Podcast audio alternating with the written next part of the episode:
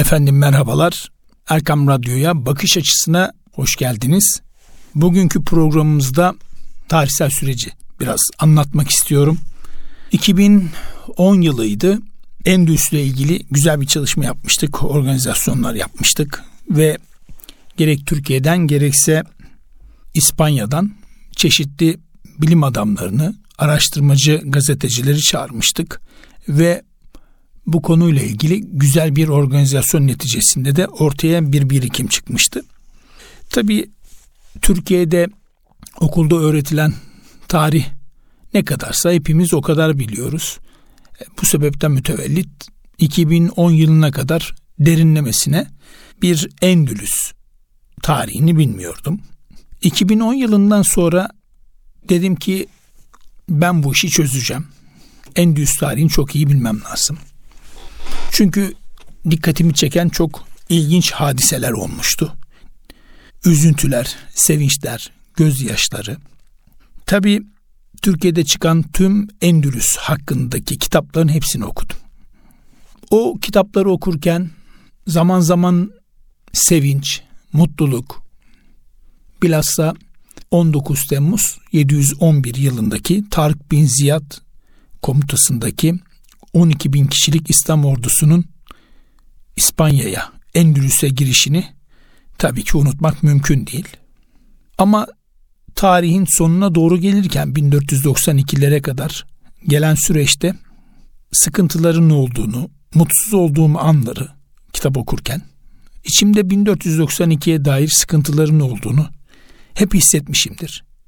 Bugün birazcık da bu duygu ve düşünceyle Endülüs'ü, El Hamra Sarayı'nı açıkçası anlatmak istiyorum. İnşallah Allah nasip eder. Hem Mescid-i Aksa'yı, Mescid-i Aksa'mızı hem de Endülüs El Hamra Sarayı'nı, o bölgeyi tekrar inşallah geri almış oluruz, sahiplenmiş oluruz ve bize ait olan bir parça olan eskiden olan bu yerleri tekrar inşallah egemenliğimiz altına alıp oraları e, daha iyi bir şekilde Mescid-i Aksa açısından tabii farklı bir boyut. Orada yine e, bize ait olan noktalar var ama Elhamra Sarayı ve Elhamra Sarayı'nın etrafı Endülüs'ün olduğu noktalarda tabii ki e, maalesef Hristiyanlaştırılan bir durumla karşı karşıya olduğumuz için birazcık daha buraya detaylı bir şekilde girmek istiyorum. İnşallah Allah nasip eder tekrar gitmeyi bize nasip eder ama e, siz değerli dinleyicilerimiz, kıymetli misafirlerimiz Allah inşallah sizlere de oraları görmeyi nasip etsin. Çünkü Endülüs'ü efendime söyleyeyim tarihi anlatırken liseli talebeleri mesela soruyorum 11. sınıf öğrencilerine bilhassa. Diyorum ki Endülüs'te ilgili İspanya ile ilgili var mı bir bilgi kaldı mı diyorum. Genellikle tabii böyle yüzeysel geçildiği için o bölümler pek öğrencilerimizde kalmıyor. Onun için her öğrencimizin çok detaylı bir şekilde öğrenmesi gerektiğini düşünüyorum tüm dünyadaki İslam beldelerinin. Evet, El Hamra Sarayı'nı seyrederken aslında neler hissettiğimi sizinle paylaşmak istiyorum. Tabi Sierra Nevada dağlarının eteklerine kurulmuş olan El Hamra Sarayı'ndan biraz bahsederken tüm Gırnata'yı aydınlatırken bir kez daha tarihin bize bir şeyleri anlatmak istediğini ve bir mesaj vermek istediğini açıkçası hissediyorum. Oradan baktığım zaman Gırnata'nın Müslümanlardan kalma eski mahallesi El Bayzı'nın yokuşlarını tırmanıp bakış tepesine çıktığımda El Hamra Sarayı önce gözüme gecenin karanlığında gökyüzünde alev alev yanan bir meşale gibi göründü. Tabii onu canlandırmak lazım. O önemli. Çünkü bir yandan seyrediyorsunuz Elhamra Sarayı'nı ve bir yandan da hatta cuma namazından çıkmıştık. Elhamra Sarayı'nın e, karşı tarafında bir cuma namazını kılmıştık Müslümanlarla beraber. Tabii İspanyol Müslümanlar da teşrif etmişlerdi. Allah onlardan da razı olsun. O oradan bir bakış var. Onu hayal ediyorum. Muhteşem. Yani tarif edilmesi mümkün olmayan bir bakıştı. Oradan karşılıklı böyle birbirimize baktık. Tabi orada gece iyice örtüsüne bürünmüştü ve Elhamra'nın duvarları ışıl ışıl yanıyordu. Böyle kısa bir zaman sonra Bakış Tepesi'ndeki orada e, işte İspanyollar oluyor zaman zaman. O Bakış Tepesi'ndeki gitarcının parmaklarından dökülen nameler de e, yazın son günlerin yaşandığı bu güzel geceye eşlik etmeye başladı.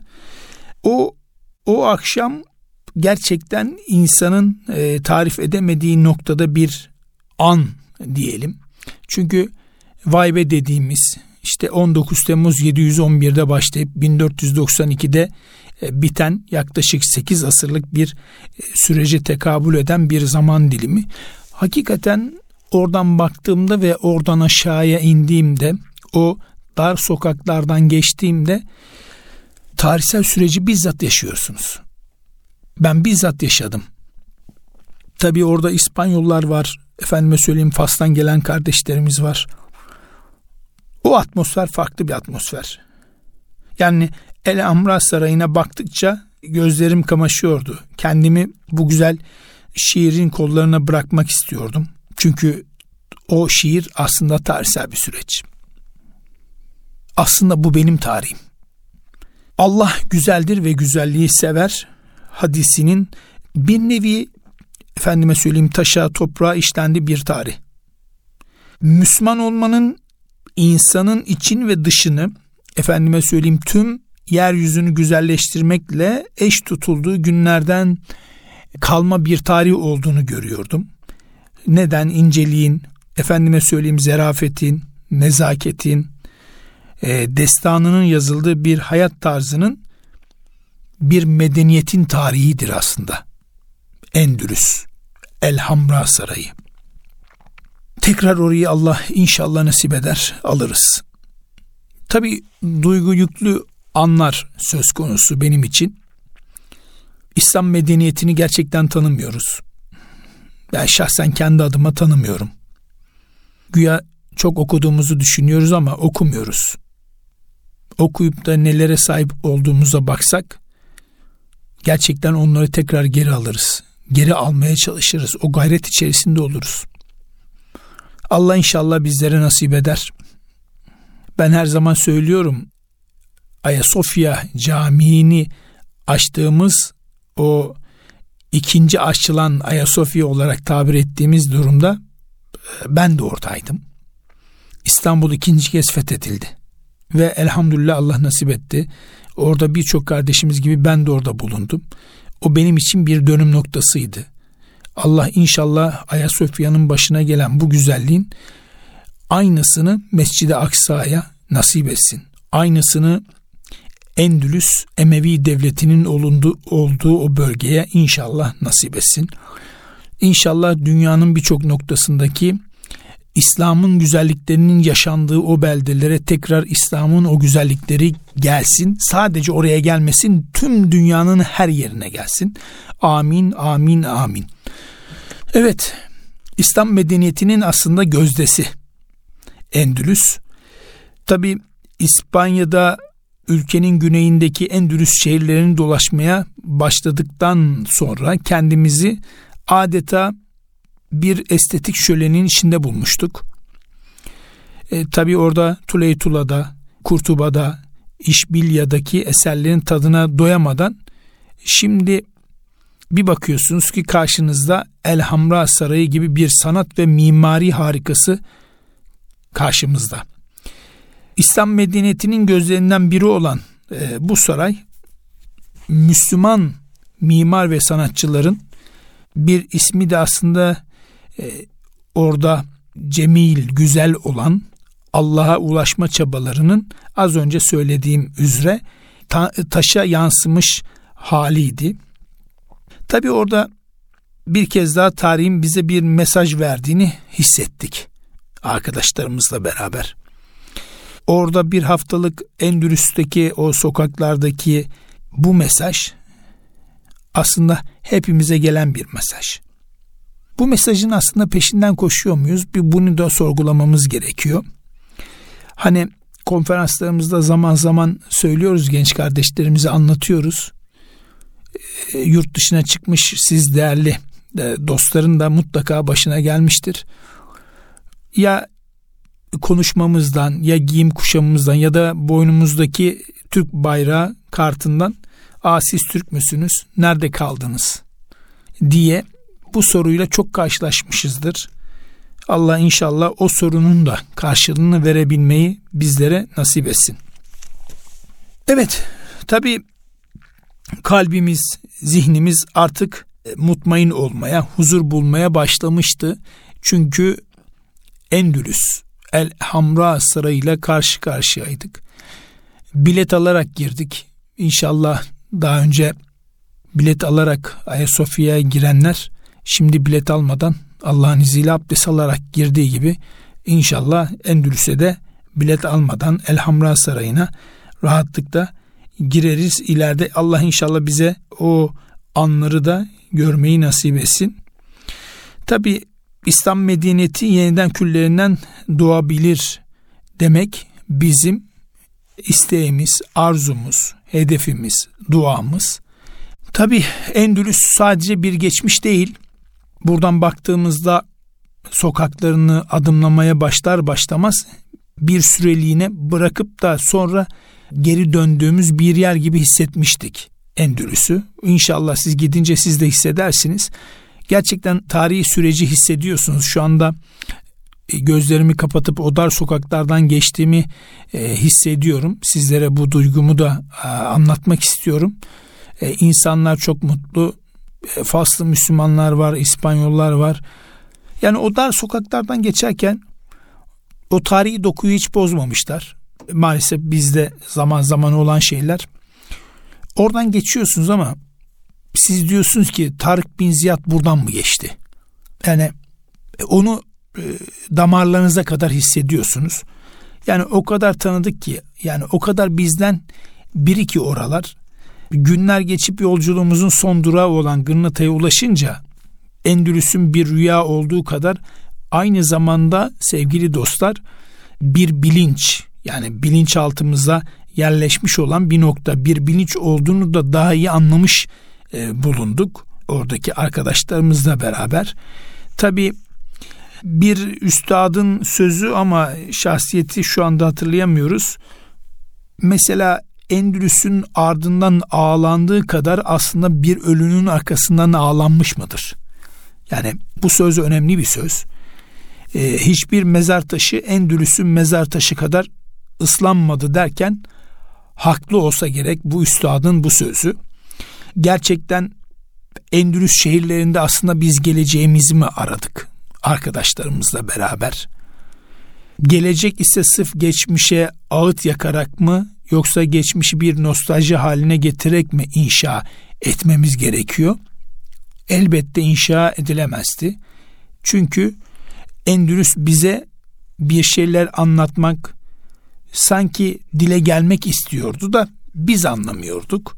Onun için bizim yapmamız gereken Endülüs'ün şehirlerinde gezdiğimiz hiçbir şehirde duymadığımız bir sabırsızlık, o hissiyatı almak, bir dile gelme arzusunu hissetmek aslında diyor ki gelin ve siz Müslümanlar bu topraklarda geziyorsunuz ama bu toprakların tekrar sahibi olun arzusunu, o hissiyatını, o duasını aslında bize gönlümüze nakşediyor. Ama biz o uçağa binip tekrar ülkemize geri dönüyoruz. Onun için az önce radyosunu yeni açanlar için de arz edeyim. Az önce duayı o açıdan yaptım. Allah inşallah Mescid-i Aksa'mızı tamamen özgür kılar. Ayasofya'yı özgür kıldığı gibi inşallah Ayasofya'yı da özgür kıldığı gibi inşallah Endülüs bölgesini de Elhamra Sarayı'nı da Endülüs Emevi Devleti'ni de İspanya'da inşallah özgür kılar ve İslamlaştırır diye de dua edelim. Bu bizim için önemli. Ee, sevgili dostlar kısa bir ara verelim. Aradan sonra inşallah kaldığımız yerden devam edeceğiz. Buluşma noktamız Erkan Radyo. Evet sevgili dostlar Erkam Radyo'ya bakış açısı programına Hepiniz tekrar hoş geldiniz. İlk bölümde olduğu üzere radyosunu yeni açanlar için söyleyelim. Ee, Endülüs'ü El Hamra Sarayı'nı gittiğimiz o dönemdeki tarihsel süreci, o hissiyatı, içimizde hissettiğimiz o duyguları vermeye çalıştık. Şimdi devam edelim. Ondan sonra kısa kısa bazı efendime söyleyeyim aldığımız notlarımızı da size zihinsel sürecimizden geçirerek Allah nasip ederse anlatmayı nasip eder. Tabi medeniyet demek aslında bir ahenk demek. Medeniyet demenin bir ahenk olduğunu aslında biz 2016 yılında Endülüs'te bir kez daha fark ettik. Dediğim gibi ilk bölümde Tuleytula, e, Kurtuba, İşbilya ve Gırnata gibi Endülüs şehirleri arasında bir bağ, efendime söyleyeyim bir ahenk olsa da aynı şekilde Endülüs'te İstanbul mesela. Efendime söyleyeyim İstanbul'la Bağdat, Bağdat'la Şam, e, Şam ile İsfahan, İsfahan ile Kahire, Mesela Kahire'den sonra da ne diyelim? Saraybosna diyebiliriz. Arasında aslında ortak bir ruh ve ahenk vardı. O ruh ve ahengi e, oraları gezdikçe daha iyi anlayarak o hissiyatı alarak açıkçası belirgin bir hale geliyoruz. O hissiyatı içimizde barındırabiliyoruz. Tabii kitap okumak çok güzel ama İnşallah oraları görmek çok çok daha da güzel. Tabii önce o his olarak içimize düşen bu ahenk arkadaşlarımızla beraber gittiğimiz dönemde günler geçip parçaları birleştirdikçe bir puzzle gibi düşünelim. E, zihnimizde şekle büründüğünü aslında görüyoruz. Hani bizler Türkler olarak, Müslüman Türkler olarak, Kürtler olarak efendime söyleyeyim az önce saydığımız e, şehirler şehirlerde yaşayanlar olarak Araplar, Boşnaklar, Arnavutlar, hatta İspanyol Müslümanlar her şeyden önce sevgili dostlar hepimiz İslam medeniyetinin çocuklarıydık. O hissiyatı o topraklarda alıyorsunuz çünkü. Tabi Afrika'dan Asya'ya, Anadolu'dan Avrupa'ya, efendime söyleyeyim Avrupa'dan Balkanlara, Balkanlardan Kafkaslara kadar uzanan bir medeniyete hepimiz aitiz. İşte burada İslam toplumları arasındaki o ortak bağı fark etmek bizim için çok önemli mesela. O fark ettikten sonra içimizde bir başka heyecan dalgası oluşturabiliyor muyuz? Bence oluşturabiliyoruz. Ama dikkat buyurursanız ben bunları anlatırken lütfen o hissiyatı gitmediyseniz de o hissiyatı bir nevi zorlayarak hissetmenizi istirham ediyorum.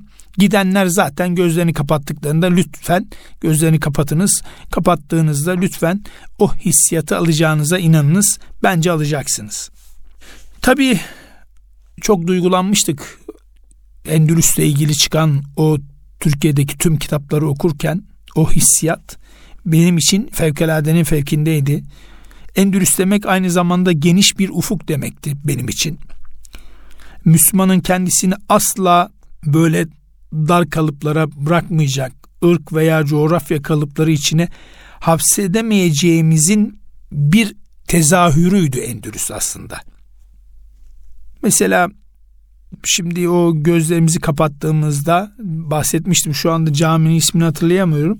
Cuma namazını kıldıktan sonra Elhamra Sarayı'na baktığımızdaki o Elhamra Sarayı'nı seyretmeye devam ederken aslında köklerimizden alacağımız suyla yeniden canlanmayı bekleyen efendime söyleyeyim muhteşem bir medeniyete mensup olmanın o özgüveni aslında tüm zihnimizi sarıyor. Hatta Müslüman olduğumuz için de içimiz umutla doluyor. Veyahut da biz o dönemde işte 2016'da 2016 10'daki o organizasyondan sonra Allah 2016 nasip etmişti. İçimiz hep o umutla doluyordu. Gittiğimizden bahsediyoruz.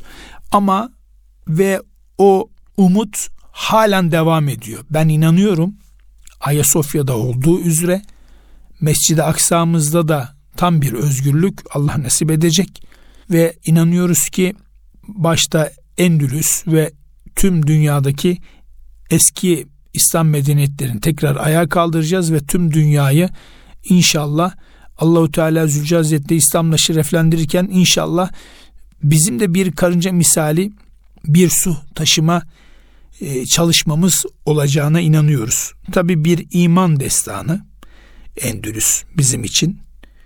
Evet, Beni Ahmer devletinin son sultanı Ebu Abdullah'ın gözyaşları eşliğinde medeniyetimizin incilerinden bir inci olan güzelim Endülüs'ü sizlere anlatmaya çalıştım, gayret gösterdim.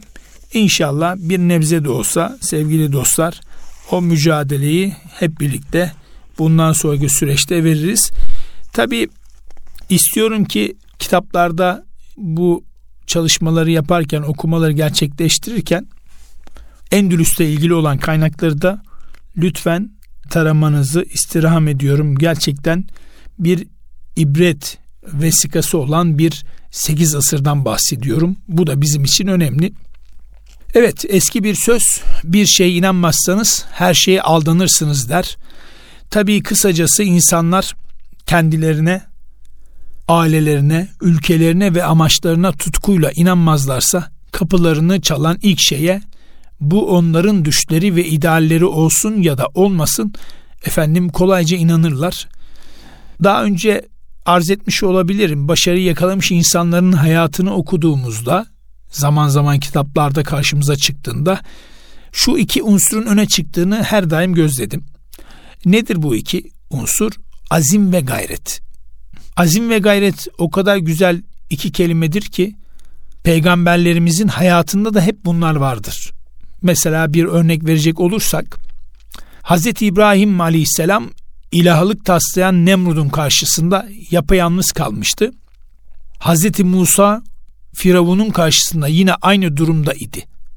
Tabii ki bizim peygamberimiz son peygamber Hz. Muhammed Mustafa sallallahu aleyhi ve sellem hem yetim hem fakirdi. Yanında sadece Hazreti Hatice radıyallahu an annemiz vardı. Tabi Hazreti İbrahim aleyhisselam döneminde güç Nemrud'un elinde olduğu gibi Hazreti Musa peygamberimizin de döneminde güç Firavun'un elindeydi. Peygamberimiz döneminde ise tüm güç Ebu Cehil ve yandaşlarının elindeydi. Dikkat buyurunuz burası bizim için çok önemli. Tabi görüntüye göre hükmetmeye kalksanız baktığımızda daha doğrusu peygamberlerin yani peygamberlerimizin rakiplerinin kazanacağına tereddütsüz hükmedebiliriz. Fakat peygamberlerimizde rakiplerinde olmayan bir şey vardı az önce arz ettiğim üzere azim ve gayret. Yüreklerini hakka kilitleyip umutları yürüyorlardı peygamberlerimiz. Ne tehditler yıldırabiliyordu onları ne de ordular durdurabiliyordu ve sonuç elhamdülillah mutlak başarıydı. Onun için bu azim ve gayret konferanslarda da genç kardeşlerimize söylüyoruz işte ben matematik yapamıyorum işte Türkçeyi yapamıyorum değil. Aslında öyle düşünmemek lazım. Bir genlerimize bakalım, bir tarihsel sürecimize bakalım. Allah'ın izniyle ha, 40 tane matematik yapamıyor olabilirsin ama biraz gayret gösterirsen, birazcık da kendine inanırsan ben inanıyorum 10 tane 15 tane matematik çok rahat yaparsın. Sadece azim ve gayret yani o mücadeleyi bırakmamak. O bizim için önemli. Tabi buradan yola girerek Endülüs Emevi Devleti'nden yola çıktık ve tarihsel süreçte devam ediyoruz. Ben bunu neden anlatıyorum? Çünkü imkansızı başarmak biz Müslümanların elinde. Tekrar bunu yapabiliriz. Tarık bin Ziyad komutasındaki 12 bin kişilik ordu 19 Temmuz 711'de İspanya topraklarına ayak bastığında yaptığı o hareket gibi aynı öyle düşünelim. Biz bunu yapabiliriz. Tabi Peygamberimiz Hazreti Muhammed Mustafa sallallahu aleyhi ve selleme peygamberlik geldiğinde peygamberimiz hepinizin malum üzere 40 yaşındaydı. İslam dininin dünyaya yayılması için çalıştı ve başardı. Gelelim Fatih Sultan Mehmet Han Hazretlerine. Küçük yaşta hedeflediği İstanbul'u 21 yaşında fethetti. Selahaddin Eyyubi Kudüs'ü fethetmeden gülmek bize yakışmaz dedi ve kısa zamanda Kudüs Fatihi oldu. Mimar Sinan en iyi eserim dediği Selimiye Camii'ni 83 yaşında yaptı. Dikkat buyurunuz yaş itibariyle hemen hemen hepsi 40'ın üzere, üstünde Fatih Sultan Mehmet Han hariç. Yani demek ki bir olgunlaşma süreci de bizim için önemli. Kendimizi yetiştirmemiz gerekiyor. İkinci Abdülhamit Han Hazretleri içeride ve dışarıda sıkıntılı süreçlerden geçen bir ülkenin başına geçtiğinde henüz 36 yaşında genç bir lider iken dikkat buyurunuz ülkesini tam 33 yıl ayakta tutan bir şahsiyet, bir karakter olarak tarihe geçmişti.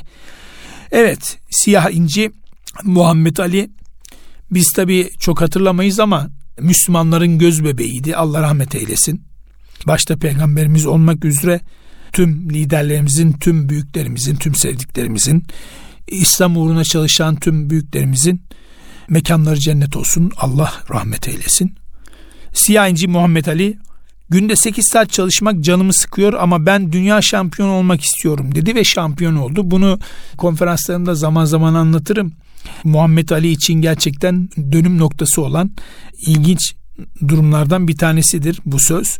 Çünkü o kadar çok sıkıntı çekmiştir ki hatta bir keresinde e, Vietnam'daki savaşa gitmeme adına yaptığı o mücadele sonucunda e, elinden alınan ünvan tam 3 sene sürmüştü ve 3 sene maça çıkamadığı için de maddi olarak o kadar çok sıkıntı çekmişti ki artık son raddeye gelmişti. Ama sabretti ve o mücadelenin karşılığını Allah nasip etti. Evet süremiz azalıyor ama ben madem Endülüs'ten girdik Allah nasip etti. Tarık bin Ziyad komutasındaki 12 bin kişilik İslam ordusundan da biraz bahsetmek istiyorum. O da bizim için önemli. Tarih 19 Temmuz 711 yer İspanya. Tarık bin Ziyad komutasındaki 12 bin kişilik İslam ordusu İspanya'ya ayak basmıştı. Ayak bastıktan sonra 12 bin kişilik ordu biraz dinlenmeye almıştı kendisini. Hızlıca bir atlı süvari Tarık bin Ziyad büyük komutanın çadırına girmek için izin istemişti.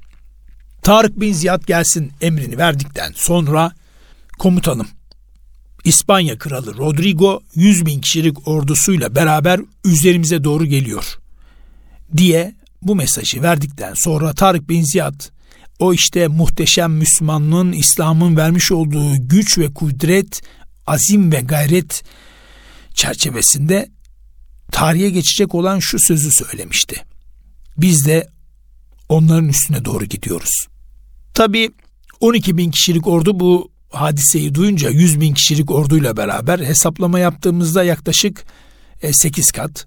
Tabi geride topraklarda geride bıraktıkları topraklarda eşleri var, askerlerin çocukları var, büyükleri var, anne babaları var, toprakları var.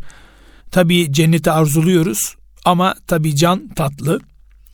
Bir mırıldanma söz konusu olmuş ve arkasından Tarık bin Ziyad bu sesi duyunca hemen çadırından çıkar ve 12 bin kişilik ordunun başına geçer. Ve o tarihi hareketi yapar. Arkadaki gemilerdeki askerlerine der ki gemileri yakın. Gemiler yanınca 12 bin kişilik orduda bizim tabirimizle söylüyorum aha da şimdi kaldık ya da aha da şimdi yandık misali kafalarındaki o gitme planları bir anda yok oldu. O zaman ne yapmaları gerekiyordu? Biz bu 12 bin kişilik İslam ordusu olarak 100 bin kişilik Rodrigo'nun İspanya kralının Rodrigo'nun 100 bin kişilik ordusunu yenmemiz gerekiyor. Çünkü hayatta kalmak istiyoruz. Bir hedefimiz de bu. Sadece fethetmek değil, hayatta da kalmak istiyoruz. Diye düşünce hasıl oldu askerlere. Tarık bin Ziyad önemli sözlerinden bir tanesini daha söyledi. Arkanızda deniz, önünüzde de düşmanlar var. Arkanızdaki deniz düşman kadar, önünüzdeki askerler de deniz kadar. Yürüyün aslanlarım deyip yüz bin kişilik orduyu açıkçası telef ettiler. Ve 8 asır sürecek olan 1492'ye kadar sürecek olan İspanya'daki İslam medeniyetinin açıkçası öncüleri olmuşlardı. Bu bize önemli bir hadiseyi açıkçası göstermektedir. Nedir? Endülüs sadece bir geçmiş değildir. bir imanın destanıdır sevgili dostlar. Endülüs'teki o bakış tepesinden Elhamra Sarayı'nı seyrederken bir kez daha sevgili dostlar, kıymetli dinleyenler, imanın insan için ne büyük bir imkan olduğunu da açıkçası düşündük. O bizim için çok önemliydi. Yolda giderken, yabancı memleketlerde giderken gerçek manada bir kez daha imanın insan için ne büyük bir imkan olduğunu inanın damarlarınıza kadar hissediyorsunuz. Bu e, biz imanlı Müslümanlar için gerçekten çok önemli. Evet, sevgili dinleyicilerimiz bir bakış açısı programımızın daha sonuna gelmiş bulunmaktayız. Efendim hem bu programı hem de diğer programlarımıza ulaşabilmek için erkamradyo.com web sayfamızdan bu programlarımızı hem dinleyebilirsiniz hem bilgisayarlarınıza indirebilirsiniz. Hem de arkadaşlarınıza WhatsApp üzerinden de gönderebilirsiniz. Allah nasip ederse önümüzdeki hafta aynı gün ve saatte tekrar görüşmek ümidi ve duasıyla ben Ahmet Akay Azak sizleri Allah'a emanet ediyorum.